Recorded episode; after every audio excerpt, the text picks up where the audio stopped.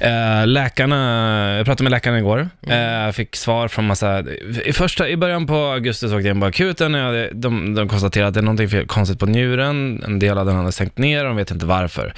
Sen har det varit allt från att det kan vara njursten, vilket de inte trodde, i och med att de inte hittade några spår på det här, det brukar visa lite spår. Eh, eh, och sen har det varit blodpropp, eh, sen har det varit cancer har nämnts.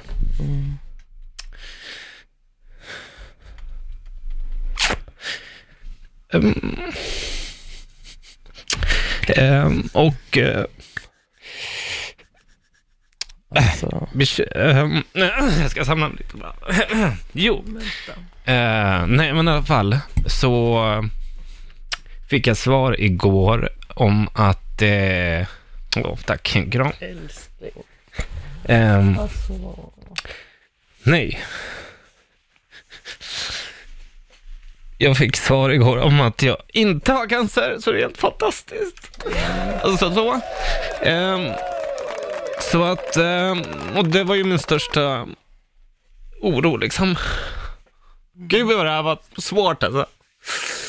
Um, men, ursäkta mig alltså. Um, men uh, de sa att eh, uh, blodvärdena såg bra ut och att, uh, att eh, jag eh, um, nej men alltså att så här, de vet fortfarande inte om vad det är för någonting. Eh, tack för kramen, vad fint. men du är här med oss nu och vi är Ja. glada för din skull. Ja, men tack. Nej, men de sa i alla fall att jag... ehm, De vet fortfarande inte vad som har hänt, men nu har man i alla fall kunnat ta bort ganska mycket saker som har varit liksom jobbiga att gå och grubbla över. Ehm, och sen så... ehm, så att det är en seger, det är en seger. Så, ehm, mm, idag ska jag tillbaka dit till sjukan och göra en till eh, undersökning. Ehm, Dag, ja. Ja, idag.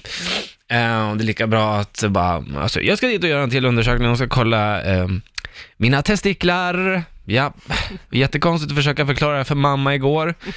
För jag kom inte på vad testiklar heter på spanska, så jag sa ägg, alltså huevos. Så att, eh, ja, jag ska, ja, så hon frågar varför jag ska kolla, kolla upp ägg. Uh, men, eh, ja, så så ligger landet.